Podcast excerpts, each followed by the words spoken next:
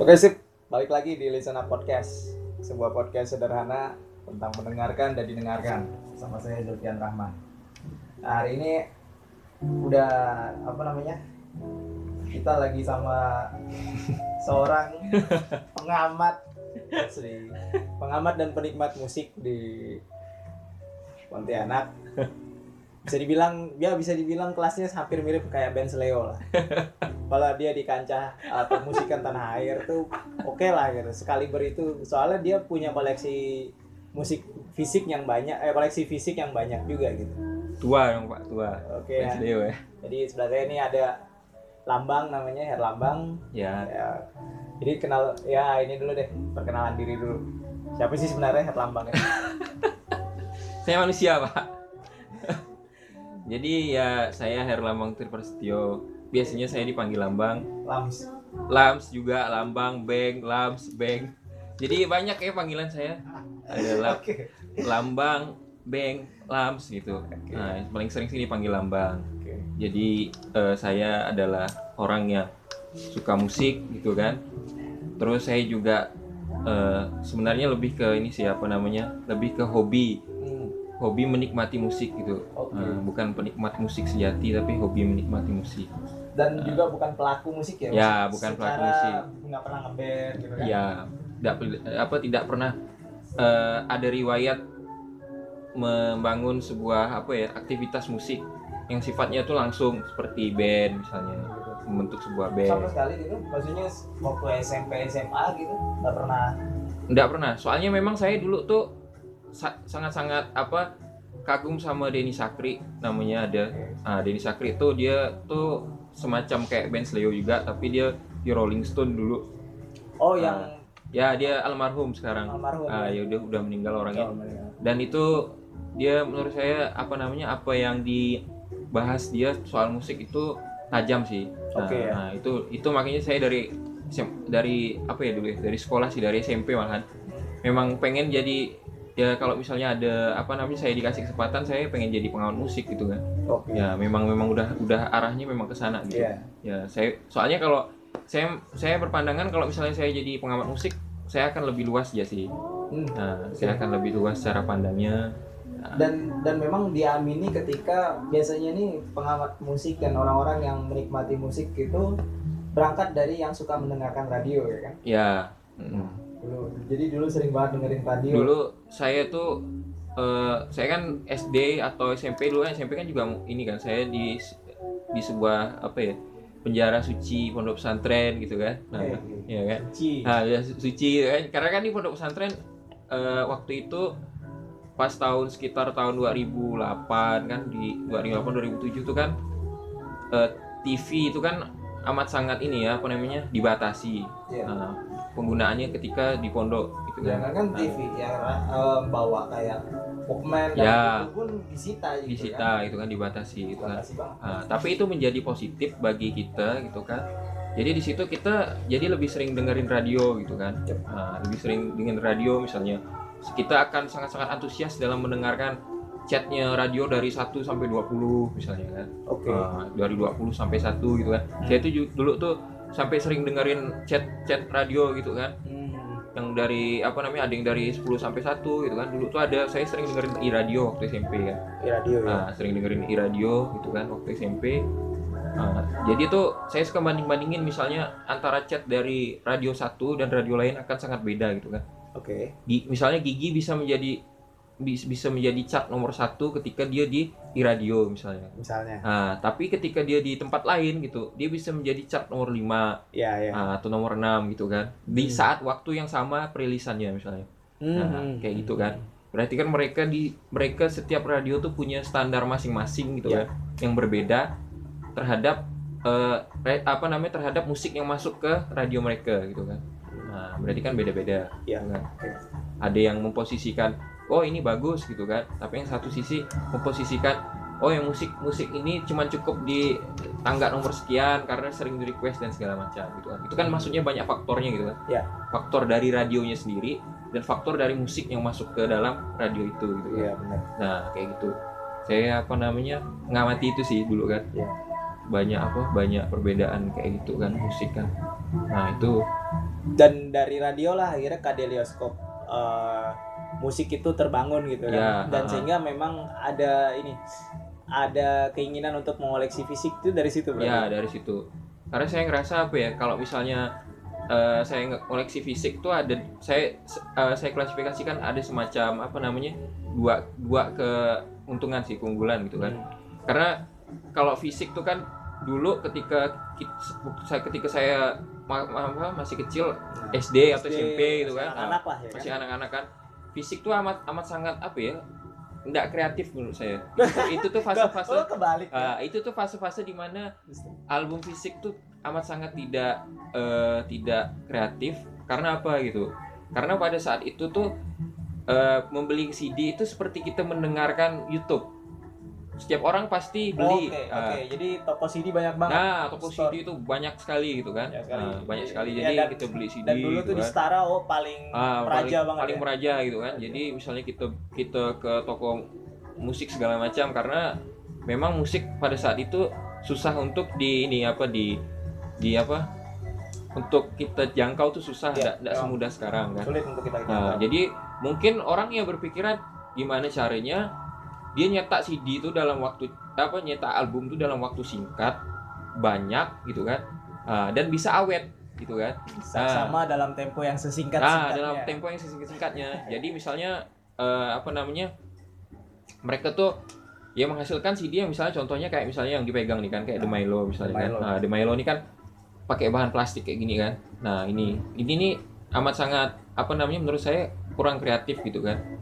Karena tuh dalam artian ya ini nih hanya mempertimbangkan di soal awetnya ya gitu. Maksudnya ini nih ini bakal awet ini gitu kan. Packaging seperti ini bakal awet, Awet, ya? gitu. Bakal awet banget gitu kan. Eh, dibandingkan dengan kaset. dibandingkan dengan packaging yang contohnya misalnya kayak ada di situ tiga pagi yang sifatnya dia pakai kertas karton gitu kan eh bukan Oh. karton sih maksudnya kertas Parahita juga ya parah hitam misalnya di situ Eh, mana? Oh, Ah. ini ini nih. nah ya kayak gitu kayak misalnya di, di- digali Sungai, ya. nah kayak gitu kan Galian nah yang kayak gini-gini akan sangat ringkih dia nah karena dia menggunakan material yang saya lihat sih kayak misalnya ini kan kayak ka- apa namanya kayak duplek gitu kan Oh iya. ya kertas kayak duplek nah ini kan ada, ada perbedaan jadinya nah Nah di zaman berarti berarti waktu itu udah udah ada pikiran kalau nggak kreatif nih orang kalau misalnya pakai cuman pakai plastik eh, cuman merilis CD Ya, doang gitu ya. Ah, beri CD dengan apa namanya? Dengan eh, mat- material apa namanya? Packaging yang misalnya cuman eh, apa namanya? Plastik kayak gini gitu kan. Nah, apa sih ini nih istilahnya? Mika lah ya. Luarnya sih Mika, Ah, cuman Mika gitu kan. Kasetnya plastik. nah, kasetnya plastik gitu. Nah Betul. misalnya ini nih kan menurut saya amat sangat tidak menarik sih gitu kan. nah, Jadi tapi amat sangat tidak menarik eh, tapi di waktu itu ya keluarga pasti punya koleksi kan. ya Keluarga tuh pasti punya koleksi musik gitu. ah, punya koleksi musik kan waktu itu kita memang punya video apa laser disc juga kan. ya ada laserdisc pada saat itu gitu kan Oke lanjut lagi tadi kita sampai di mana Bang? Sampai di ini bahan bahan Packaging. fisik yang kurang kreatif ya. ya Nah kenapa kenapa bisa sampai di kesimpulan itu? saya ngelihat karena dulu eh, musik ya medianya ketika kita mau mendengarkan musik itu ya kita mendengarkan kaset gitu kan. Menggunakan kaset gitu. Menggunakan kaset ataupun CD gitu kan. Waktu era-era mungkin sekitar 2003 2004 ketika saya masih SD kan pada saat Hmm. itu. Nah itu kan yang sangat-sangat familiar tuh kan kaset gitu kan. Nah, kaset. Pertama kaset tuh karena kecil tuh kan. Apa namanya ukurannya kecil gitu kan. Ya packaging kaset ya mau sampai sekarang atau kapan pun ya modelnya tetap kayak gitu gitu kan. Iya, pasti Dengan- kayak gini ah modelnya. modelnya tetap kayak gitu gitu kan kaset gitu kan.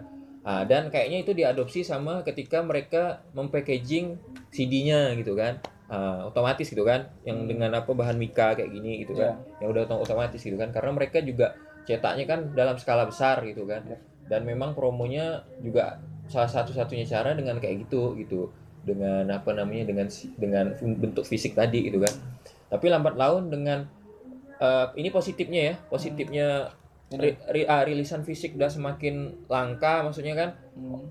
band-band juga band-band mainstream ataupun indie juga eh kalau indie masih banyak sih kok band-band mainstream sih ya yang yang apa ya mainstream itu dalam artian tuh mereka tuh yang di bawah naungan label-label besar misalnya kan. Ya mainstream. Mainstream gitu kan. Yang yang yang yang hampir setiap hari di TV sering kita lihat kalau dia tuh ngisi acara ulang tahun TV-nya gitu kan. Ya bisa ya kita sebut aja lah Aquarius Ah, ya, kayak Aquarius misalnya kan. Warner Music Ah, Indonesia. Warner Music Indonesia gitu kan.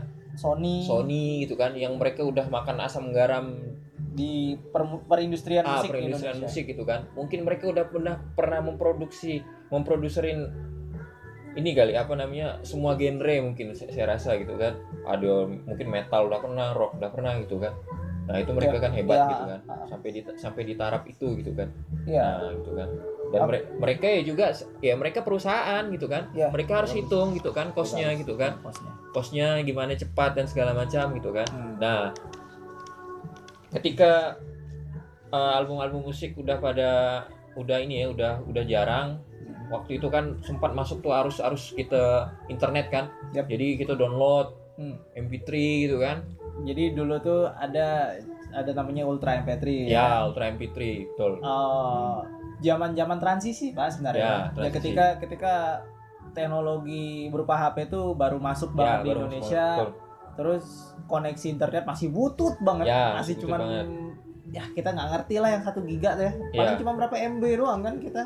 Otomatis ya kaset lagu eh lo- lagu dikompres kecil mungkin Ya, untuk masuk ke dalam satu HP gitu nah, kan. satu HP dan dulu ini sih apa? Peralihannya tuh dia dari Walkman ke MP3 dulu kan. Ya, oke. Si MP3 kan. Nah, MP3.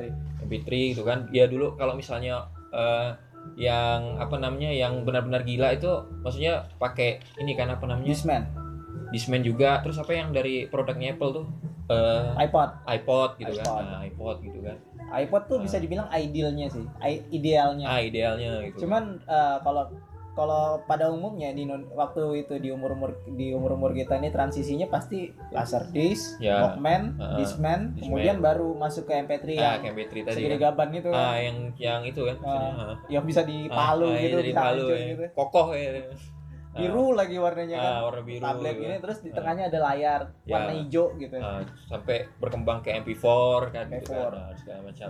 Nah, itu kan itu kan peralihan-peralihan yang menurut saya tuh asik sih. Itu tuh menurut saya itu indah Asli, gitu iya, maksudnya. Asli itu kita keren banget. kita tuh bisa Keren amat banget. sangat nyata merasakan peralihan itu Hmm. gitu.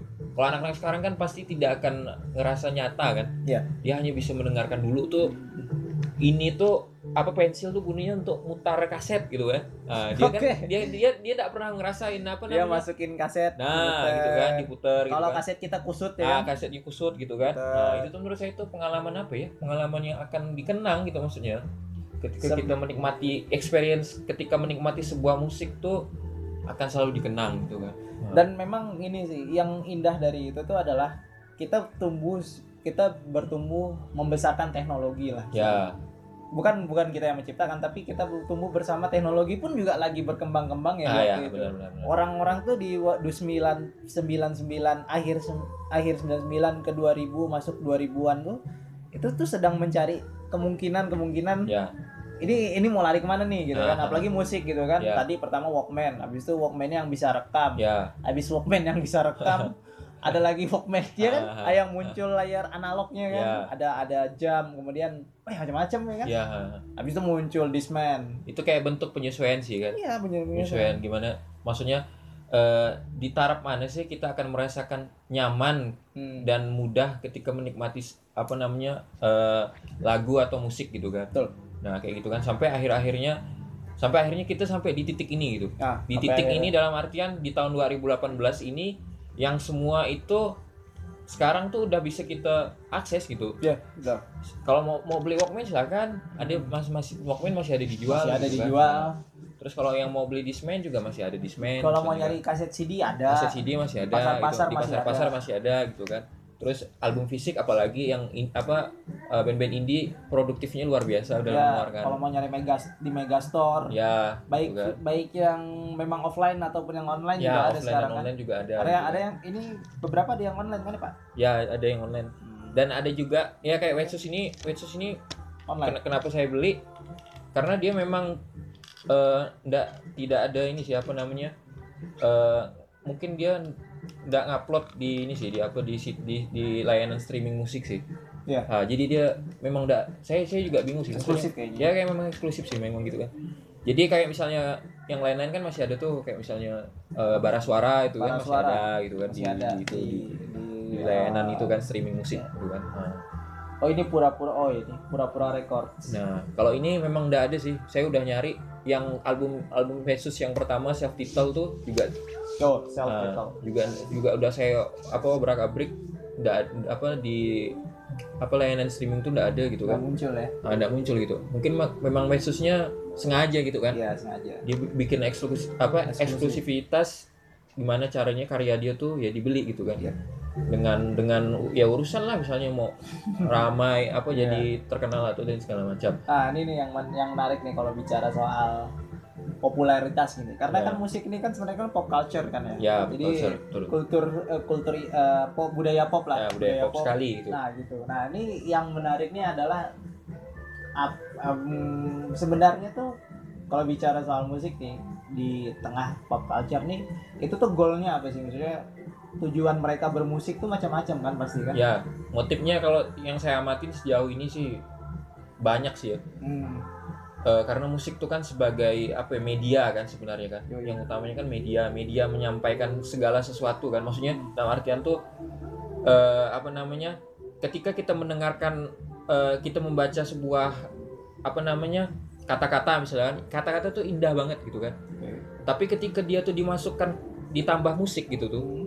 Visual kita tuh sama indera kita tuh akan lebih menikmati gitu kan Ya, terangsang juga. terangsang gitu kan udah otomatis kan misalnya contohnya kita eh, biasa tuh saya, saya- yang saya suka tuh di band-band indie tuh ada diksi-diksi itu yang menurut saya tuh eh, ini kayaknya ditab, terlalu ditabrak-tabrakan gitu misalnya kan gitu kan misalnya terlalu eh, ditabrak-tabrak. terlalu ditabrak-tabrakan misalnya kan kayak misalnya di apa namanya di di ini sih di di apa namanya lirik-lirik eh, album-album eh, metal tuh kan sering misalnya kan misalnya di kata-kata distopia misalnya kan Ya, distopia. Ah, misalnya distopia itu tuh itu kayak- kata-kata yang apa ya asing maksudnya kan jarang digunakan sehari-hari Ya. gitu kan tapi ak- akan menjadi sebuah sesuatu yang indah gitu ketika dia tuh diiringi musik gitu Hmm. nah menurut saya ya misalnya Ya. gitu akan visual saya itu jadi akan terbangun gitu misalnya kan Iya. nah gitu kan Gambaran tuh muncul gitu. gambaran tuh muncul gitu di citra kata-kata itu tuh akan Hmm. menjadi muncul contoh kayak misalnya eh ah contoh contoh paling nyata tuh di efek rumah kaca misalnya efek rumah kaca itu sering menggunakan kata-kata yang tidak jarang kita gunakan sehari-hari misalnya kan kayak melankolia misalnya kan judul lagunya melankolia gitu kan Melankolia. nah, misalnya kan Kemudian Terus, sinestesia. Kan sinestesia album- ya album albumnya judulnya juga. sinestesia benar gitu kan nah itu sih Eh, itu tuh kan ya? apa ya tidak lumrah gitu kan nah terus kayak seringai itu menggunakan kata-kata akselerasi maksimum misalnya kan Iya. nah itu tuh menurut saya itu ketika itu di apa ketika kata kata katanya udah bagus gitu kan ketika itu disampaikan oleh seringai gitu kan Hmm. dengan Iya, dengan dengan dengan gayanya warna, seringai gitu warna warnanya musik. seringai ah. warna musik seringai. Ka- jadi kata-kata itu jadi kayak bernyawa seringai gitu maksudnya Ah, Oke, gitu kan siap. jadi kayak apa namanya kayak eh, kayak ada isinya gitu kata-kata itu gitu kan kayak bara suara misalnya kan dia menggunakan kata-kata makna-makna dalam aksara misalnya kan Iya. nah, makna-makna dalam aksara itu jadi kayak Yo, ya ikonik gitu Iya. jadi kayak kayak kayak kayak dia yang ngasih ruh di dalam kata itu tuh dia gitu bisa Ya. bisa dibilang mereka kawin lah ya. nah dia bisa bisa mengawinkan antara itulah gitu kan antara gimana dia mencitrakan dia musik dia gitu kan sama dengan lirik dia gitu kan Iya. dan itu menurut saya hal-hal yang apa ya sih hal-hal yang jenius sih menurut saya dan kalau misalnya mereka melakukan itu tanpa konsep ah mereka brengsek sih kalau mereka Ya, itu udah Ah, kurang ajar. itu ya. kurang ajar sih mereka ajar. tanpa konsep tapi mereka bisa hebat kayak gitu kan Iya. nah kayak gitu misalnya ya contoh kayak yang baru-baru kayak kelompok penerbang roket gitu kan Galaksi. nah galaksi Palapa. palapa gitu kan itu tuh kan kata-kata yang ya sebenarnya kita sering dengar ya galaksi ya kita sering dengar palapa Palapa, kita sering palapa. dengar gitu kan tapi ketika dikawinkan galaksi palapa dengan musiknya K- KPR tuh ya jadi keren gitu kan jadi ada isinya gitu kan jadi apa Dan namanya mereka effortless gitu loh. nah Nggak gitu but- nggak butuh nggak butuh apa ya nggak nggak benar-benar nggak mengada-ngada gitu. Iya, nggak mengada-ngada Nggak gitu mengada-ngada juga kan. Cuman udah ngalir aja kan eh, banyak. ngalir aja gitu misalnya Nah, ini kalau misalnya tadi itu berarti ini masuk ke bahasan indie sih sebenarnya. Iya. Karena kalau menurut kalau menurut aku sih indie itu adalah eh ini nih sebenarnya kan eh, lebih ke gerak apa namanya movement kan ya, Ya, Like movement.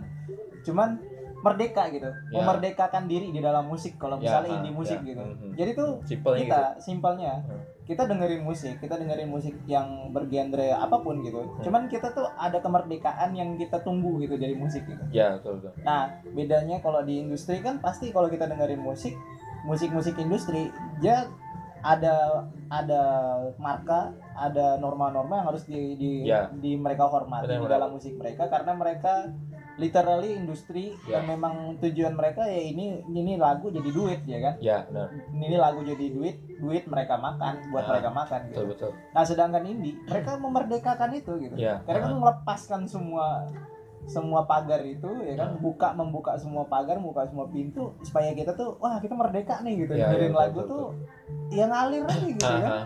nah jadi apa ini sendiri gimana nih bang kalau menurut ente Iya kan eh, seperti akar katanya kan juga indie, indie kan dari independen independen gitu kan. Iya. Merdeka gitu kan maksudnya kan. Nah, jadi gimana caranya kita menyampaikan apa yang kita rasa ke orang lain gitu kan Hmm. tanpa harus maksudnya bukan tanpa harus memikirkan orang lain sih maksudnya gitu kan tapi itu dalam artian tuh eh, musik tuh adalah bagian dari citra kita pribadi kita contoh kan contoh eh, kita tuh sehari-hari pasti memilih kan menggunakan celana model apa baju model apa untuk keluar kan Oke. itu secara tidak langsung tuh udah mencitra kita tuh udah berusaha mencitrakan diri kita kalau Iya. oh aku nih ingin dicitrakan seperti ini dengan Ya. busana eh, sehari-hari saya yang seperti ini misalnya kan, kayak gitu kan Nah, begitu juga dengan musik gitu kan. Hmm. ketika dia apa namanya memilih jalur indie ya dia akan eh, apa namanya sangat-sangat menyampaikan ini dia citra dia gitu kan. Ya saya pengen dicitrain seperti ini gitu kan. Dengan apa namanya dengan dengan musik saya yang seperti ini gitu kan. Nah, misalnya kita ambil contoh misalnya bara suara gitu kan. Ya. dengan musik dia yang seperti itu gitu kan. Yang apa namanya eh, ada campuran etniknya misalnya kan. Ya. nah dia dia dia ya ingin me- ingin memberikan eh, apa ya gambaran dan visual di a- alam bawah sadar orang kalau misalnya ya bara suara itu seperti itu gitu kan Ya. ya bara suara ndak akan seperti Burger Kill misalnya gitu kan Oke. ya akan beda gitu kan Oke, Burger Kill. nah misalnya akan akan atau akan sama dengan Gila, seringai gitu kan contohnya aja Nah, misalnya gitu. kan. langit bumi Nah, misalnya contohnya kayak gitu kan orang tuh berarti orang udah terbangun visualnya gitu kan. Ketika dengar Burger Kill tuh apa ketika dia mendengar nama sebuah band tuh dia langsung oh bandnya yang itu kan yang musiknya kayak gini kan. Nah, itu berarti mereka udah berhasil gitu kan menyampaikan itu gitu kan. Itu dari segi musiknya Hmm. dan da- di hal lain tuh ada kekuatan di dalam musik tuh juga lirik kan. Iya. Nah, lirik tuh amat sangat luar biasa sih. Menggugah selera kita gitu kan. Iya. Menggugah selera kita, meng- menggugah semangat kita gitu Asli. kan. Ah. Nah itu luar biasa sih gitu kan. Nah, di lirik itu sendiri, nah mereka juga pasti ingin menyampaikan ini kan keresahan misalnya Iya, kan, menyampaikan apa yang mereka rasakan yang menurut mereka itu tidak tepat atau kurang pas gitu kan. kurang pas. Nah, medianya dengan media musik gitu kan, dari lirik tersebut gitu kan. Nah itu sih yang luar biasa sih menurut saya kan, karena untuk menulisan lirik sendiri dicampur dengan musik tuh itu tuh mengawinkannya tuh tidak mudah gitu kan. Nah, mengawinkannya itu amat sangat tidak mudah ketika musik yang saya yang saya amati gitu kan. Ada orang yang menciptakan lirik dulu baru musik ya. atau Oh, ya, musik ah, dulu baru lirik di isian li- di, di isian lirik gitu kan. Hmm. Nah, dan itu bisa kawin tuh luar biasa gitu kan. Ya kayak misalnya Vero Makaca, saya baru tahu ternyata Vero Makaca tuh bikin musik dulu baru Ya. lirik gitu kan. Ya. Tapi kok liriknya bisa pas ya gitu kan? Saya mikir kan, ini kayak ini kayak liriknya dulu yang dibuat kalau menurut saya kan, Nah, baru musik gitu kan. iya. Karena kayaknya liriknya tuh kayaknya musiknya menyesuaikan lirik sekali, tapi ternyata sebaliknya gitu kan. Nah, hal-hal yang kayak gitu tuh kan Iya. ternyata weh gila gitu kan. Ini hebat nih kayak gini gitu kan. di sebuah wawancara di NME kalau nggak salah di, di apa itu kayak rolling eh, kayak majalah musik di Brit apa di di Iya. Inggris gitu Heeh. ya Noel Gallagher juga ngomongnya kayak gitu, Ya. gitu. dia ketika menciptakan katakan eh, Supersonic kemudian eh, Don't Look Back in Ya. Anger Wonderwall mereka dia tuh gitaran Iya, dulu Betul betul. Slash juga kan Ya. waktu dia bikin Ah. Sweet Child Ah. of Mine itu ketika dia bikin dia bikin medley atau bikin eh, tape gitar itu tuh dan Axel bilang sendiri kan kalau memang itu tuh terlalu manis kalau buat buat Ya. buat band trash yang Ya. sebesar nama Ah, Guns N' ah. Roses gitu kan cuman ya memang gimana ya orang-orang yang tenggelam di dalam musik ya pasti musik dulu kayak Ya, memang pasti. ketika dia telinganya tuh sampai kawin dengan perasaan Ya, dia ah, ah. sampai di hati dia tuh yang kayak ada getaran sendiri gitu Ah. nah udah tuh itu musik menyentuh menyentuh apa ya menyentuh tanah sucinya gitu menyentuh Iya. Menyentuh idealnya tuh pasti di situ gitu area ini dia ya Benar-benar area paling gitu. penting dia sih Nah kalau bisa diingat kita tetap kita ingat sinestasi eh, sinestesia kan juga sama kan ya. Ya. Dia kawin banget gitu kan Hmm. antara sem- semua lagunya tuh kawin dengan lagu dengan musiknya. sa- gitu. sama liriknya gitu Iya, kan lirik, musik semuanya lah kawin asli. nah itu kan menurut saya apa ya eh luar biasa sih kayak gitu kan Ya. karena banyak. Kita melihat contoh-contoh yang gagal tuh banyak gitu. Ya. maksudnya gagal mengawinkan hal-hal Gagal itu mengawinkan gitu kan. hal itu. yang musiknya tuh udah luar biasa. Ah ini salah satu contoh sih. Yang menurut saya eh, ini menurut saya ya pribadi ya. Ah, tanda tanda petik dari maksudnya salah satu musisi yang menurut saya hebat bagus dalam segi musik materinya bagus itu tuh salah satunya Elo gitu kan. Elo tuh atau Iya, Mar Mar Mar Marcelo Tahi itu tuh musiknya tuh itu tuh saya sangat-sangat suka gitu. Ah, oke. Terus? Rock- alternatif rock gitu kan. Ah, ah. tapi yang saya sesali gitu kan yang Ya. saya agak kecewa tuh ketika eh, Mars eh, si Elo tuh memilih diksi-diksi dan lirik-lirik yang menurut saya itu terlalu apa ya? Terlalu apa ya? Terlalu ini sih terlalu gamblang sih. Maksudnya terlalu apa ya?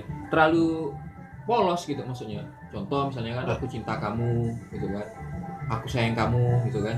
Itu tuh kan hal-hal yang apa ya yang hal-hal yang sehari-hari ya polos terlalu polos gitu Kau cantik hari ini dan aku suka. ah gitu kan. Kalau cantik hari ini aku suka misalnya kayak gitu kan. Ah, contohnya gitu kan. Kau kau lain sekali dan aku suka dan kayak terus- lagunya Elo tuh nggak kayak mantanmu misalnya kan. Ya, ya. Kayak- kayak gitu-gitu kan. Yang menurut saya apa ya padahal musiknya ini aduh musiknya Elo ini bagus gitu.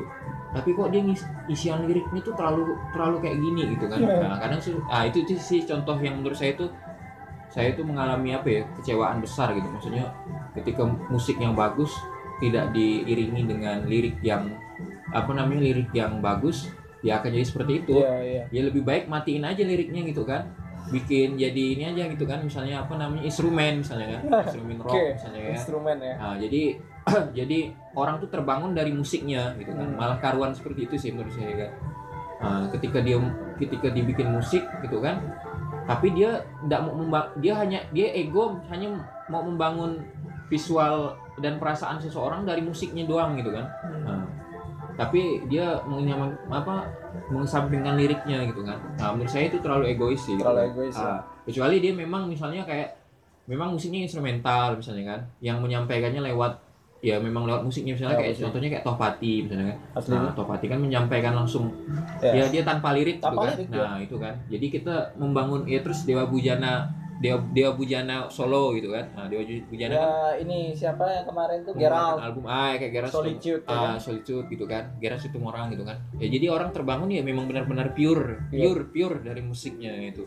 Ya gitu kan. Tergugah karena tergugah musiknya karena gitu. musiknya gitu dan Menurut saya mungkin itu juga sayang sih kayaknya Elo tuh ini sih pak kayak eh kayak kor- korban dari tadi konsekuensi ketika Ya. mencebur menceburkan diri di dalam industri musik tuh pasti benar-benar harga yang harus dibayar tuh sebesar, sebesar itu gitu. ah. Langsung aku ngeliat nih ketika Elo pernah manggung di net yang Hmm. musik acara musik net itu, ya kan? Music everywhere Ah, musik everywhere, yang waktunya udah gondrong kan, Ya, udah gondrong udah. terus dia gerang bang, gerang Ah, grunge. banget kan, dia dia nge-cover Kurt Cobain. Aku ngelihat ada kemarahan di dalam Ya. badan, di dalam tubuhnya Elo tuh, sebenarnya dia tuh kayak ngamuk sebenarnya, Ah, karena dia udah udah udah muak dan jengkel dikekang dalam industri yang membunuh dia gitu kan. ah, Ya kan dia iklan apa kemarin Coca-Cola lah, apa ya masuk semua kan awal-awalnya. Sekarang. Cuman itu sih apa ya kalau dari segi musik mungkin Elo udah berhasil menyampaikan kemarahan dia Iya. gitu kan di album baru dia gitu kan yang kemarin saya eh, album baru dia apa ya pokoknya album baru dia tuh isinya tuh ya inilah alter rock alternatif banget gitu kan oke. tapi itu yang saya sayang ya itu tadi Iya. misalnya kan ternyata Elo dalam penulisan lirik yang menurut saya masih ini sih masih biasa-biasa aja Di, gitu. di album barunya juga masih biasa iya aja. di album barunya ha. Masih biasa. Ah, masih biasa aja gitu tapi musiknya tuh bagus gitu. Maksudnya tuh ini musiknya tuh apa namanya kelas gitu kan. Untuk rock alternatif tuh kelas gitu Sangat kan. kelas. sangat kelas gitu. Tapi ternyata kok punya lirik yang seperti itu. Juga ada contoh sih misalnya kalau kita mau ngelihat yang dia benar-benar di industri tapi dia bisa mengawinkan antara kemauan mungkin ya kemauan si label dan kemauan dia sebagai bermusik itu adalah Ran gitu kan. Ran tuh saya saya sangat-sangat ini ya apresiasi gitu ya Ran tuh kan di bawah Universal Musik kan Yup. nah, dan sekarang dia udah di di Universal Musik udah berapa tahun gitu setahun dua tahun yang lalu dia jadi bikin bikin apa bikin label sendiri gitu kan. Nah, ya saya melihat ada sebuah keberhasilan sih itu. Jadi kayak ada sebuah optimisme kalau misalnya ya label tuh tidak selamanya negatif ketika kita gabung ke label gitu terus menjadi apa dikekang dan segala macam gitu kan. Enggak. Nah itu tuh ada berarti ada ada sebuah apa ya ada sebuah hal ada apa hal positif kalau misalnya itu tuh bisa kawin gitu antara kemauan label dan kemauan si Hmm. ah, si itu gitu kan. Karena kan sebenarnya ini pemilihan ini juga sih, pem- pemilihan jalan bermusik juga. Karena waktu itu kan Dani kan pernah bilang ketika memang zamannya lagi Ya agak blow on, Ah. ya semua musik akan satu akan kita satu ki- bendera kita semua. ikutin aja gitu kan. kita akan kita mau nggak mau kita ikutin aja nggak Ah. usah nggak usah dilawan lah Nggak gitu usah kan dilawan lemesin gitu kan. lemesin Ya, aja ah, gitu cuman kan nah run ini kan muncul ketika di akhir era bendera itu pak Ya. nah muncul di situ muncul dan itu nah, dia langsung dia langsung major records kan waktu Ya. itu kan dan dia memang milih warna musiknya Ya, yang groove Ya. pop gitu jadi kita jadi dia aman banget Iya. aman banget sangat aman gitu Hmm. karena karena udah kita eh, kita udah dapat kita udah dapat gambaran langsung gitu kan Iya. lagu ra, ra- lagunya Ran ini akan sangat ringan tapi ya tapi ada apa bergaya gitu loh stylish gitu Iya, stylish. stylish. banget gitu Hmm. karena memang dia membangun di album pertamanya yang Run for Your Life itu kan Ah, ya, iya, iya benar. itu banget gitu ya asli banget groovy banget kan groovy banget gitu overtones juga ya kayak misalnya ya Hmm. saya ngeliat contoh aja sih itu maksudnya adalah salah satu contoh bentuk positif bagaimana sebuah label itu bisa ini sih bisa Ya. apa ya bisa memproduce ya. eh, artisnya dengan dengan baik. dengan baik gitu kan. Nah, itu kan tanpa menghilangkan apa ya? Idealisme dalam idealisme bermusik. dalam bermusik. Nah Oke, itu menurut saya sih hebat sih gitu kan. Hebat banget gitu. Di apa? Di Nah. kasusnya untuk run gitu kan. Jadi saya tuh eh, mencoba apa ya? Dulu mungkin saya waktu awal-awal kenal musik indie saya ngerasa wah musik indie ini lebih Yap, ya. hebat lebih bagus daripada ya musik ada jadi mainstream. Ada sempat semacam sempat ya kita sebelum ini tuh sempat musik underground dulu kan. Ya. sempat punk itu menjadi menjadi pa, apa namanya menjadi avant-garde ketika kita musik underground tuh pasti Ya. kayak gitu. Punk justru metal ya kan. Yang maksudnya thrash metal. ketika saya mendengarkan sebuah musik tuh musik indie tuh saya akan sangat senang ketika musik itu tuh hanya didengarkan oleh orang oleh kalangan tertentu saja misalnya kan. Tapi sempat Ah. ngalamin ini nggak pak? S- eh, musik ska kayak tip X? Oh ya saya sempat, Se- sempat kayak ngalamin itu sih ya Eh, ini kan tau nggak sih? Kayak kayak kayak kita tuh dulu ya waktu waktu kita dengerin musik di zaman zaman kita tuh. Kayak udah emang udah ada dua jalur gitu Ah. kan? Yang satu nih atas nih Peter Pan Ah, kemudian Ceylon Seven. Ya. Eh, apalagi yang pokoknya nama-nama besar itu. Ah. kemudian yang di bawah nih ya Tip X, Segi Dog ah, kemudian SID nah ini jalan nih jalannya bareng-bareng gitu loh. Ya. Ya kan? Melewat dan melewat dan mereka juga sama-sama melewati masa di mana lagu tuh sangat simpel dan sangat murah kan? Ya yang dijual di mana-mana oh kan. iya ah. Iya kan? Ya, saya itu juga jadi ingat kan. Dulu tuh waktu SMP sering sering banget nungguin MTV Ampuh kan. Ya itu kan MTV Ampuh dulu kan. Terus waktu saya kecil-kecil kan kakak-kakak saya suka nonton Clear Top 10 kan. Yoi. ya Oh iya sama. ah, Clear Top 10 sama. kan. Karena Clear top 10. karena kan terpengaruh juga kan di rumah. Kakak juga suka musik kan jadi eh, suka musik-musik indie. Jadi kita juga apa ya itu tuh kalau sama musik tuh senang gitu kan Hmm. eh, senang nikmatin dan segala macamnya jadi saya terikut lah gitu kan Gila, gila ter- Clear Top 10 tuh yang saya paling ingat tuh ketika Evanescence yang Bring Me to Iya. Life.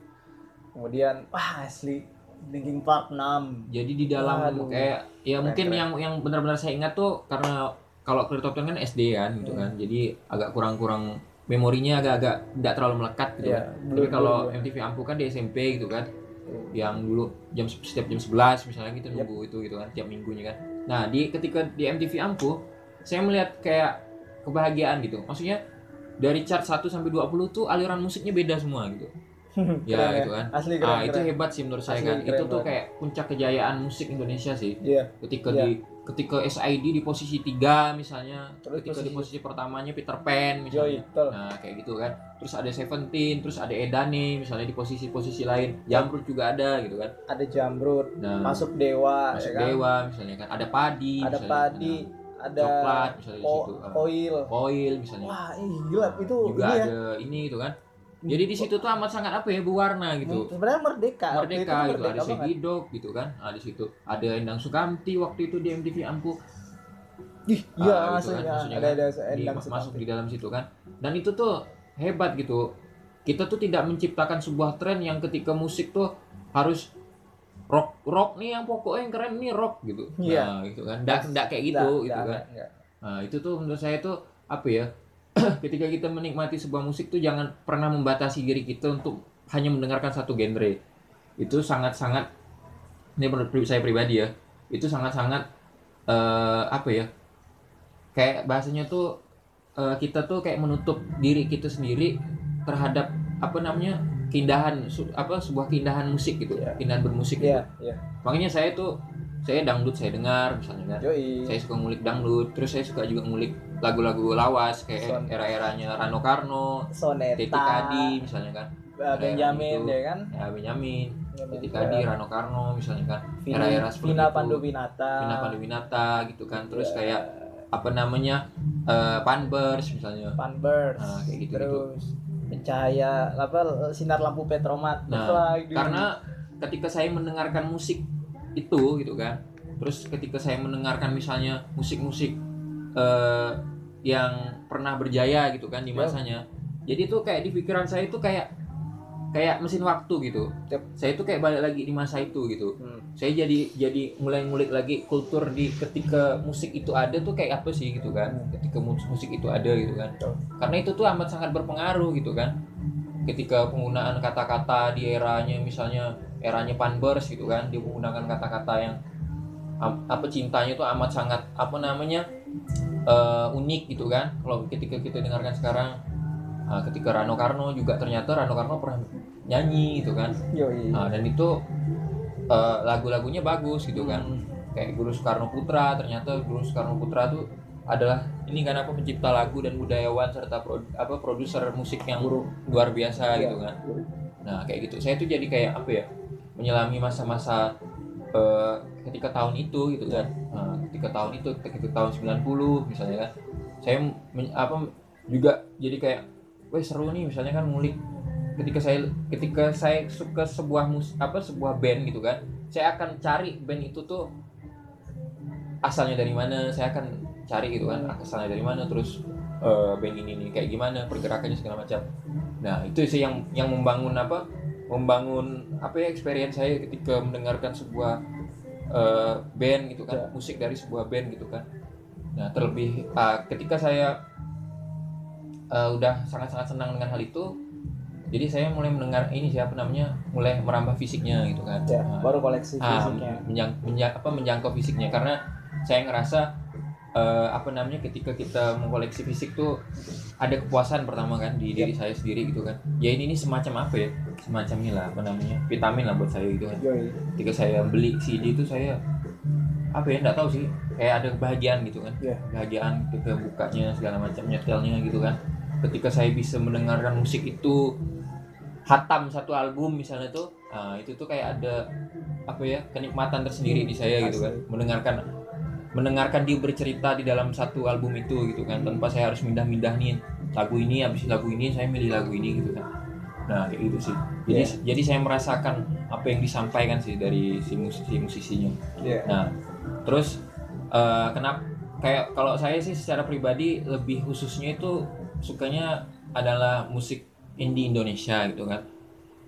Eh, lebih apa lebih dikerucutkan tuh ya sifatnya musik indie tapi yang yang bandnya band Indonesia gitu. Oke. Nah itu karena saya ngerasa apa-apa yang saya tuh gini apa secara tidak langsung tuh sangat-sangat bangga sama Indonesia gitu.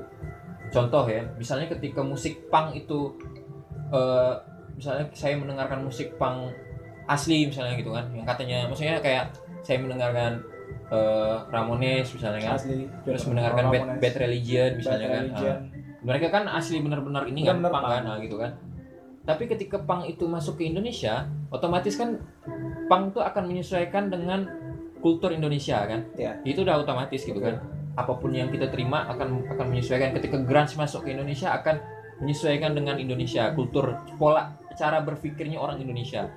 Nah, dan di situ itu tuh terjadi kayak apa ya, sebuah keunikan gitu kan. Contoh gitu kan. Navikula itu kan grunge kan. Hmm. Dan Nirvana itu adalah grunge juga kan. Hmm. ya kan ketika Nirvana ketika Navikula itu apa namanya eh eh, menyuarakan grunge gitu dia itu akan sangat grunge Indonesia gitu maksudnya Ya. ya gitu Oke. dia tuh bukan grunge-nya grunge-nya grunge-nya Amerika maksudnya Amerika. gitu tapi dia tuh udah udah kawin sama kulturnya di sini gitu Hmm. udah kawin sama kultur orang sini yang apa namanya yang sopan misalnya contohnya kan udah udah kawin sama kultur cara berpola berpandang apa ber, eh, cu- sudut pandang orang sini yang beragam gitu kan. Nah itu tuh udah udah apa ya udah udah udah apa ya udah kawin gitu kan. Yap. jadi menurut saya tuh saya tuh dipermudah gitu oleh musisi-musisi Indonesia untuk memahami musik musik musik yang datang dari barat tapi dengan kultur kita gitu. Nah contoh misalnya kan eh, apa namanya eh, SID gitu kan. SID itu kan punk gitu kan. Hmm. Nah, ketika ketika SID itu menyampaikan pola pikirnya gitu kan, kita tuh akan sangat mudah karena SID orang Indonesia dan SID cara berpikirnya seperti orang Indonesia gitu kan. Cuman dia menggunakan bahasa Inggris ya kan, misalnya terkadang gitu kan. Banyak lagu. Ah, banyak pakai bahasa Inggris gitu kan. Yep. Tapi akan sangat sampai di kita gitu cara berpikirnya Ya. gitu kan. Ya kan experience-nya. Contoh misalnya kan orang barat tuh bikin lagu tuh kan sangat-sangat personal kan. Misalnya hari ini hari ini eh, apa namanya eh, pada saat itu aku ketemu sama seseorang gitu kan. Terus Hmm. kita minum minum kopi segala macam di di sudut jendela yang seperti ini gitu kan. Hmm. Itu kan penggambarannya amat sangat sangat personal gitu kan. Yep.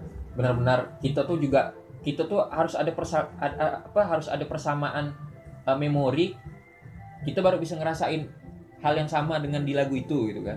Nah, tapi kalau di Indonesia kan misalnya kita kita kita mendengarkan lagu itu kan masa iya sih ada ladang gan- gandum di Indonesia misalnya kan di jalan di ladang gandum gitu kan. Nah, misalnya kayak gitu kan. Nah, itu kan amat sangat tidak Indonesia banget gitu kan. Yap. Nah, ketika sebaliknya juga orang barat mendengarkan lagu Indonesia gitu kan. Iya. Nah, kayak gitu kan. Dia akan sangat mendengarkan misalnya mendengarkan lagu-lagu Indonesia, dia akan terbawa kulturnya Indonesia. Hmm. Nah itu sih, saya merasa amat sangat berterima kasih dengan musisi Indonesia gitu.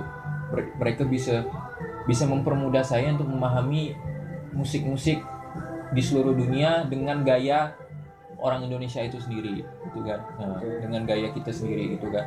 Dengan gayanya siapa namanya Navikula dalam menyampaikan grunge, Kumanik dalam menyampaikan grunge, terus Marginal dalam menyampaikan punk misalnya kan. Marginal. Nah, terus festivalis dalam menyampaikan narasi gitu kan. Hmm. Nah, Endang Sukamti dalam menyampaikan punk rock, punk rock, punk rock yang yang apa namanya?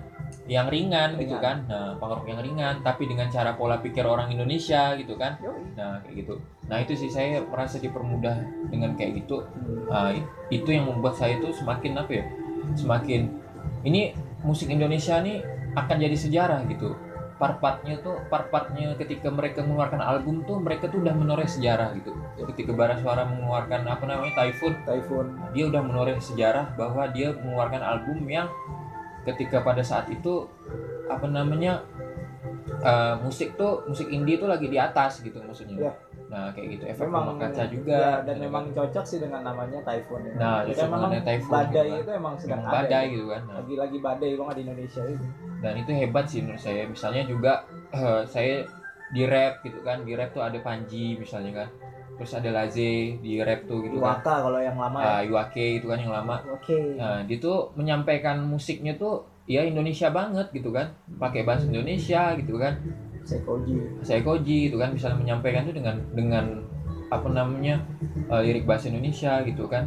Nah, kayak online online gitu kan tidak akan terbangun visualnya ketika kita ceritakan sama orang Barat gitu kan Ya, yang kulturnya berbeda gitu kan ya kalau Nah, di itu sih. budaya tuh memang disebut cross culture karena ya cross culture kan ada yang bers- bersilangan ya, saling Ya. bersilang di antara itu. Cuman yang di tengah-tengah persilangannya itu lah musik gitu kan. nah di Nah, tengah-tengah nah, persilangannya Di tengah-tengah persilangan tuh musik, cuman yang di bagian silang di antara satu dan lainnya nanti negara masing-masing ya. Ha-ha. dia bawa dari mana? Misalnya kalau nafas reggae eh, yang datang dari Jamaika masuk ke Indonesia ya Ras Muhammad. Ha-ha. kita kenal kayak gitu ya kan?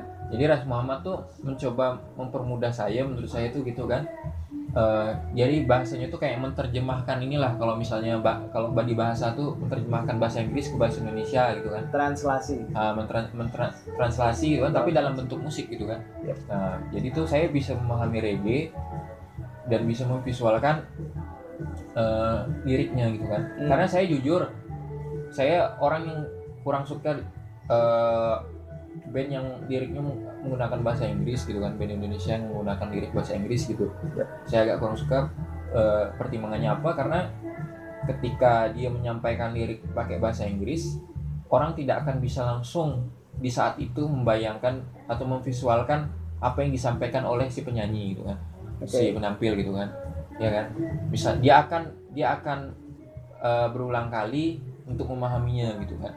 Dan bahkan dia sampai di tahap butuh teks gitu kan Hmm. nah butuh teks Oke. gitu kan nah, untuk memahami itu gitu kan tapi berbeda halnya dengan kita menggunakan lirik bahasa Indonesia gitu yang akan ketika kita mendengarkan tuh kita akan langsung terbangun gitu Hmm. memori kita gitu kan Ya. Ah, terbangun memori kita apa namanya jadi kita tidak mudah untuk mera- apa tidak meraba-raba lagi gitu kalau bahasa Inggris ya karena pertimbangannya ya mayoritas rakyat Indo- Indonesia ya cuman berapa persen yang bisa bahasa Inggris misalnya kan kayak Ya. gitu. Nah itu sih pertimbangannya. Ya. dan saya belajar juga dari orang Jepang misalnya kan. Orang Jepang tuh sangat-sangat menggunakan bahasa Jepang gitu kan. Menggunakan bahasa Jepang di dunia internasional musik ya maksudnya dalam artian musik ya. Menggunakan bahasa Jepang di dunia internasional dan ya orang bisa nikmatin itu gitu. Nah, bisa nikmatin itu gitu kan dengan kultur kultur Indonesia gitu. Eh kultur Jepang gitu kan. Jepang Nah, di dunia internasional gitu kan. Nah, gitu jadi itu hebat sih juga. Sama halnya kayak Korea gitu kan. K-pop gitu kan. K-pop. Ya K-pop tuh kan kayak gitu juga kan. Kita bicaranya luas gitu kan. K-pop juga kayak gitu. Yang dia bisa membius orang. Yep. jadi orang tuh harus hafal bahasa Korea dan suka dengan bahasa Korea gitu ya kan. Nah, untuk pertimbangan bahasanya bisnis juga sih itu kan. Maksudnya ya itu memang ya, bisnis ah, urusan urusan urusan kantong juga sih itu kan. Ya, Ya. tapi menurut saya itu strategi jitu sih gitu. Strategi yang bakal apa ya ya strategi jitu yang sampai mungkin sampai meninggal gitu kan maksudnya sampai negaranya bubar pun tetap tetap orang akan tetap memorize gitu sama apa yang di- udah diciptakan si apa industri K-pop itu sendiri gitu kan. Nah itu hebat sih menurut jadi eh, mencoba ini ya sih apa memandang musik itu bukan hanya dari sekedar eh, musiknya itu sendiri gitu tapi adalah perjalanan ketika musik itu sampai di Indonesia seperti apa gitu kan. Ya. ketika musik itu tuh tersampaikan ke orang seperti apa gitu kan. Ketika musik itu tuh menjadi sebuah apa namanya sebuah kultur dan sebuah apa namanya sebuah ini sih ya, citra dari ses- dari seseorang itu seperti apa gitu kan. Nah karena eh, tidak bisa dipungkiri ketika kita memilih musik A gitu kan saya melihat ya gitu kan ketika sebuah band memilih musik A ya dia akan tercitra seperti itu gitu kan Hmm. seperti musik A itu ya. misalnya Nah, kalau sekarang kita balik ke tadi tuh, balik ke merdeka dalam arti indie Hmm, gitu kan. hmm. Karena mem- eh, karena dia sekarang masuk ke pop culture. Ini nih yang menjadi sebenarnya bias. Ya. Ya, Setiap eh, setiap budaya tuh setiap produk kebudayaan Ah. termasuklah di dalamnya musik. Ya. Pasti kan ada input ada output gitu. ya Nah, ketika input kita akan mudah karena yang namanya masuk ya semuanya gampang masuk. Ya. Nah, ketika ketika kita melihat output atau hasil dari musik itu yang nanti itu pasti sudut pandang kita akan banyak bedanya gitu. iya benar Nah, Hmm. sekarang bicara kalau di ya zaman sekarang nih tadi yang kalau di awal udah disebutkan kalau kurang enak kalau zaman sekarang yang anak-anaknya Hmm. untuk menikmati musik.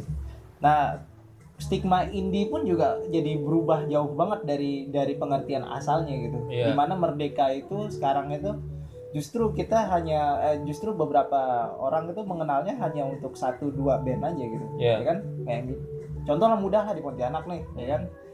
Ketika kita ketika kita ngomong indie ya udah yang mereka tangkap dan mereka yang mereka apa namanya sebutkan adalah cuman beberapa band aja gitu yang pernah Iya. ke sini ya kan Mm-mm. misalnya Bara Suara, ya 420, yang uh, Stars and Rabbit dah Ya. S- uh, vi- uh, berhenti sampai di situ gitu dan ad, adan adanya ketidakmauan untuk mencari mencari lebih jauh apa ya dia men- Mengulik. mencari ya mengulik Hmm. terus mencari lebih jauh gitu Hmm. padahal kan sebenarnya uh, nafasnya indie ini kan adalah supaya kita tadi tenggelam dan tenggelam di dalam musik gitu kan Hmm. kita nggak memilih tadi kita nggak memilih apa pun musiknya Ya. gitu tapi kita berterima kasih dengan menikmati semua musik yang ada di Indonesia gitu Iya. nah tapi melihat tadi nih melihat orang yang menyederhanakan indie nih gimana nih Bang? Kalau menurut saya itu eh, sebuah hal yang apa ya? Yang fatal sih. Hmm. Kalau misalnya kita terlalu menyederhanakan indie ya konteksnya gitu kan. Hmm. Bahwasanya indie itu kan kayak spirit kan, semangat kan. Ya apa namanya? Dalam hal ini kita bicaranya musik gitu kan. Yap. Nah, ketika kita cuman meng- me- apa mengkonotasikan indie itu dengan mengga- memvisualkan indie atau meng- apa ya? menggambarkan indie itu dengan salah satu cuman dengan salah satu band tertentu misalkan oh band ini nih indie nih gitu kan. Tapi ketika kita mendengarkan band lain padahal spiritnya sama indie gitu kan Sama, eh. tapi dibilang yang indie pokoknya si band A ini aja gitu kan misalkan nah kayak gitu tuh. Menurut saya itu bahaya sih kayak gitu. Hmm. Iya akan bisa menutup ini sih apa maksudnya pola pikir kita sih. Kurang asik juga ya? Iya kurang asik juga kan jadinya kan. Pola pandang pola pikir dan pola pandang kita sih gitu kan. Hmm. karena kan gila kalau misalnya eh kit- Indonesia tuh punya sa- sangat banyak band indie ya. Asli banget. Sangat banyak. Banyak. Nggak, sangat banyak. Saya itu sa- sampai sampai apa ya kayak bersyukur gitu. Tinggal di Indonesia gitu kan. Dari semua aliran musik tuh ada gitu kan. Cuma tinggal kita aja nih gitu kan. Yang membatasi diri atau enggak gitu kan. Yang mau mengulik atau mencari atau enggak gitu kan nah itu sih permasalahannya kayak gitu. Terus di sisi lain juga saya tuh memaklumi sebenarnya. Kayak misalnya ada kawan-kawan di kayak di kota kita di Pontianak gitu kan yang mengkonotasikan indie hanya dengan band-band yang pernah datang ke ke Pontianak misalnya kan. Sangat-sangat memaklumi sih karena kondisi de- demografis kita memang tidak menguntungkan gitu Yap. untuk soal itu gitu kan. Betul. untuk soal itu amat sangat tidak menguntungkan. Jadi saya juga gimana ya saya mengatakan eh, kawan-kawan tuh tidak asik juga ya Enak tidak juga. tepat misalnya kan Nah, karena ya ada, ada- adanya keterbatasan kita dalam mengakses musik gitu kan. Nah, mengakses musik gitu kan. Dalam artian mengakses musik tuh ini dalam artian tuh eh, menikmati penampilan live gitu. Nah, menampi- oke live. Ah, live gitu kan live musiknya gitu kan. Sebuah pementasan musik tuh Ya. itu tuh amat sangat jarang di sini kan. Ya karena apa namanya Ya.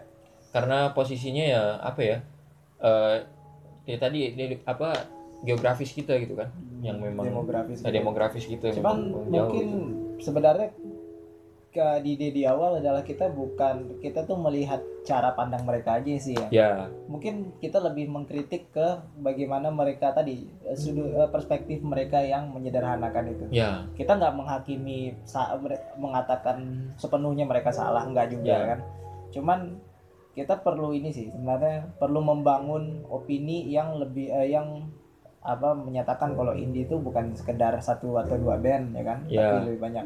lebih banyak. Kadang kan banyak orang yang maksud- ada ada ada intuisi berpikir yang mau berhenti di sini aja. Ya. Kayak ah udah gue gue mahaminnya sampai sini aja nih. Nggak usah lagi yang ke mana-mana gitu Iya, kan. ada yang orang yang kayak gitu.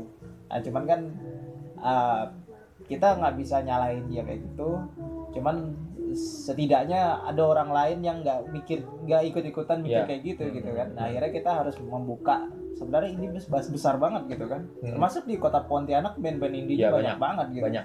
Banyak dan banyak yang punya prestasi bagus juga gitu kan. Hmm. dan banyak yang materinya bagus-bagus gitu. Banyak banget yang materi yang bagus Hmm. banget. Bagus bagus masuk yang baru ngeluarin album kemarin tuh The, The Yi ya nah di The Yi kemudian Why Rejected Why Rejected Tiberias hmm, Tiberias tiga band keren itu Nah itu menurut saya kan itu kayak apa ya kayak nafas baru kan. Nah. Nah, maksudnya nafas baru permusikan di ini ya Pontianak ya khususnya Kota Pontianak kota Pontianak dan luasnya Kalimantan Barat kan. Kalimantan Barat Nah itu jadi itu tuh kayak apa ya kayak secerca harapan gitu kan.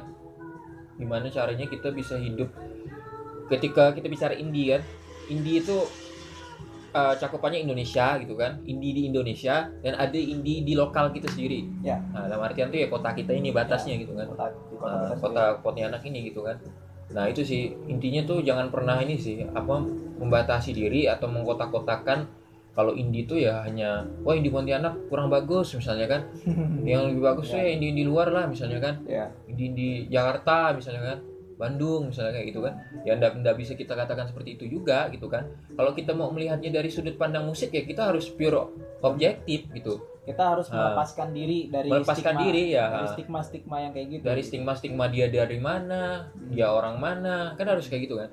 Nah, misalnya kan, kita tuh cuman kalah di ini kok sebenarnya, kalah di posisi ini ya karena wilayah kita ya, demografis demografis aja kok gitu kan. demografis. Kalau untuk kreativitas dan segala macam, kalau kita diberikan apa namanya, diberikan akses seluas-luasnya untuk apa namanya, untuk bersinggungan sama daerah-daerah lain misalnya atau sama musik-musik lain ya akan akan itu itu akan ada kalau maksimal kalau gitu. apa kalau bicara soal akses dan tadi kalau apa sempat menyinggung demografis tuh dulu di pembahasan eh, budaya tuh eh sejarah dinya sebenarnya tuh memang secara apa namanya sejarah perjalanan itu culture itu kita eh, di dalam teorinya itu tuh kita tuh adalah bagian feeder yang terkena magnet ibu kota ya jadi nih posisi ibu kota da- eh, Jakarta, Bandung dan kota-kota besar yang ada di Jawa itu tuh sebenarnya dia dia adalah kutubnya gitu. ya Di mana semua budaya, semua wilayah pulau itu akan tertarik ke tengah situ. ke gitu. Nah memang ada dulu sempat ada diskusi panel kenapa kita nggak menciptakan riak-riak baru di daerah masing-masing. ya Misalnya katakanlah eh, aliansi antara Sumatera, Kalimantan, Sulawesi dan Papua tuh nah dia membuat kutub baru di sana Ya. gitu. Sehingga yang sehingga di ibu kota tuh ada penyeimbang gitu. Jadi jadi apa nggak eh, nggak saling tarik menarik gitu. Karena kalau bisa kalau dibicara kalau bicara soal ketertarikan anak muda untuk terus ke ibu kota tuh setiap tahunnya bertambah terus. iya pasti Jadi eh, secara grafik naik terus gitu. Anak-anak yang ingin men- menikmati sensasi tinggal Ya. di ibu kota, tinggal di kota besar. Eh walaupun alasan mudahnya kuliah gitu kan. Ya. Tapi kan sebenarnya mimpi mereka gitu kan. Hmm. Kayak ada tercetus di kepala mereka kayak pengen nih kayaknya kalau misalnya ke apa coba kuliah di Jogja asik kali ya, Ya. gitu. ada kayak gitu. karena cari Nah. ini kan ba- suasana baru kan. Nah dan dan juga eh, bicara soal musik sebenarnya ya itu sih dulu tuh pernah eh, pernah ngobrol sama teman dan ah udah deh kenapa nggak kenapa sih kita nggak satu deh satu ini pulau nih nggak jadi kelepas kayak gitu gitu jadi Ya. kayak jatuhin aja biar nanti akhirnya ngobrol semua gitu kan nah sekarang eh, ke ini nih tips untuk menik apa ya, bukan tips sih sebenarnya lebih ke saran bagaimana kita menikmati musik di di hari-hari inilah gitu kan kan sebagai penikmat kan udah paham- kita sebenarnya udah berjalan jauh banget gitu kan Iya. dari kita kecil kita udah tumbuh bareng sama Iya. yang namanya lagu Hmm. yang namanya artis dan ini sekarang sampailah kita di era yang se- se- serba terbuka serba culture serba, serba pop culture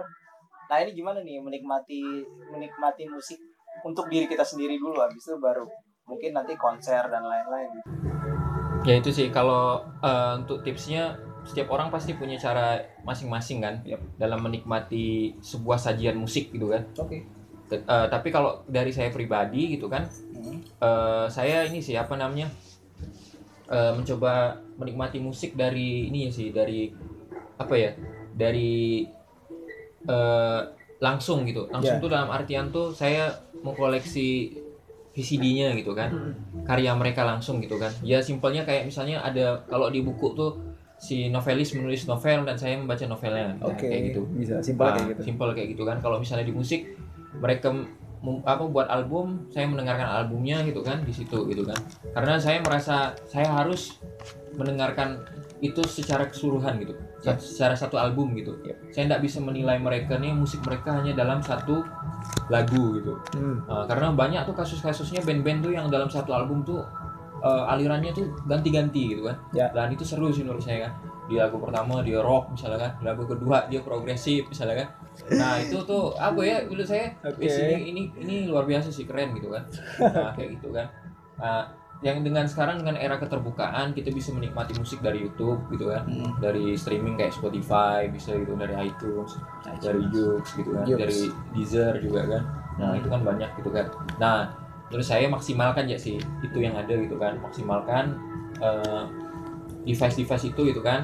Eh, untuk kita mendengarkan musik gitu kan, untuk kita menjangkau musik yang lebih luas gitu kan. Karena tidak ada ruginya kita mendengarkan lagu-lagu Rusia misalnya. asli nggak ada nggak ada itu nggak ada ruginya sih. ada ruginya Kita akan akan paham gitu kenapa sih di, di di sebuah negara tuh dominan lagunya misalnya kayak di Spanyol lagunya yang apa namanya kebanyakan yang Latin terus banyak nari-narinya misalnya kan nah Ya. itu tuh akan sangat berkaitan benang merahnya nanti sama budaya mereka gitu Ya. ya gitu kan di Brazil gitu kan kenapa sih di Brazil jarang gitu misalnya dengar lagu apa band indie rock misalnya dari Brazil jarang kan misalnya kan ya kan kayak gitu kan Oke. atau band pop Siap. punk dari Brazil kan ya kan gitu kan akan Band- sangat aneh gitu Band reggae tapi dari Brazil. ah band reggae dari Brazil gitu kan atau band reggae dari Islandia misalnya kan Itu kalau manggung as- asik ah, banget. nah itu kan maksudnya Kalau kami misalnya apa? Misalnya Robertos gitu kan.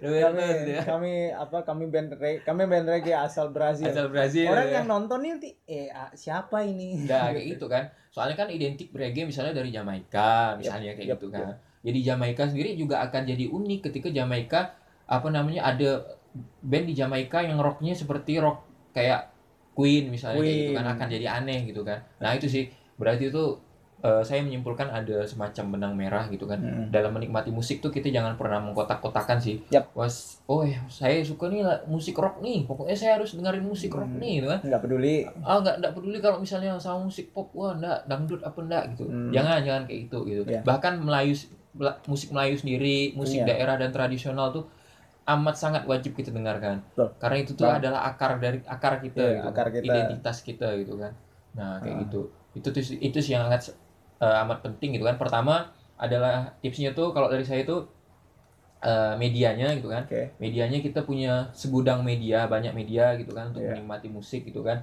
Eh, untuk menikmati musik yang bahasanya tuh sempurna di, sampai ke telinga kita gitu kan terdelivery dengan baik gitu kan Oke. nah dengan cara kaset CD gitu kan Hmm. juga dengan layanan streaming atau YouTube gitu kan Hmm. nah itu bisa bisa dengan apa media-media seperti itu terus kedua dalam menikmati sebuah musik tips dari saya tuh jangan pernah mengkotak-kotakan gitu. Yep. atau menutup diri untuk mendengarkan hanya satu genre gitu kan. Nah ayo dengarkanlah genre-genre lain misalnya kan. Iya. ya ayolah deng- dengarkanlah misalnya Roma Irama gitu kan. Hmm, Roma. Irama Soneta gitu kan. Itu tuh keren gitu kan. Mereka punya ciri khas dan punya penyampaian musik yang unik gitu Unik, di masing-masing mereka gitu kan nah itu ya sih poin-poinnya Oke. pertama dari itu tadi kan Ada, Kedua ada, gitu. ada ada dua poin yang bagus Ah, gitu ada ya. dua poin sih yang paling penting Hmm. sih menurut saya gitu dalam menikmati sebuah karya musik gitu Terus pada akhirnya nih kesimpulan dari eh, apa namanya tadi itu merayakan musik gitu. menayangan musik ya Ya, apa ya Eh, lebih ke kata penutup sih sebenarnya. Jadi oh Kalau- kata, menutup ya kalau misalnya untuk menggambarkan musik ini apa ya musik tuh menurut saya itu udah kayak ini sih apa namanya Eh, musik tuh udah kayak apa ya Eh, Allah tuh kayak misalnya nyiptain sesuatu yang indah tuh salah satunya tuh musik gitu gitu kan yang ada di dunia ini gitu tuh Yep. yang Allah ciptakan gitu kan musik tuh kan berawal dari guys sebenarnya kan dari hal-hal hal-hal sepele gitu kan semuanya gitu kan Yep. dari kita bergerak itu keluar apa namanya suara gitu kan Hmm. nah di situlah lahirlah musik gitu kan maksudnya kan. Dari cikal bakalnya maksudnya gitu kan. Hmm. gesekan kita sama pasir sama alam itu kan sebenarnya kan adalah awal-awal mulanya kan dari hal hal-hal Iya. kecil tersebut kan. Dari hal-hal sederhana. hal-hal sederhana gitu kan. Yang sebenarnya tuh itu tuh apa ya itu tuh luar biasa gitu. Apa namanya eh, Allah tuh menciptakan kita indera kita nih telinga kita gitu kan untuk menikmati apa sesuatu yang indah kayak gitu tuh. Nah itu tuh luar biasa sih menurut saya. Hmm. jadi apa namanya untuk penutup di musik eh, menurut saya musik tuh ini sih apa namanya semacam apa ya kalau di eh, kalau misalnya di Islam tuh ada istilahnya karomah gitu kan. Hmm. nah itu tuh kayak karomah buat manusia sih saya Hmm. saya rasa kayak gitu kan.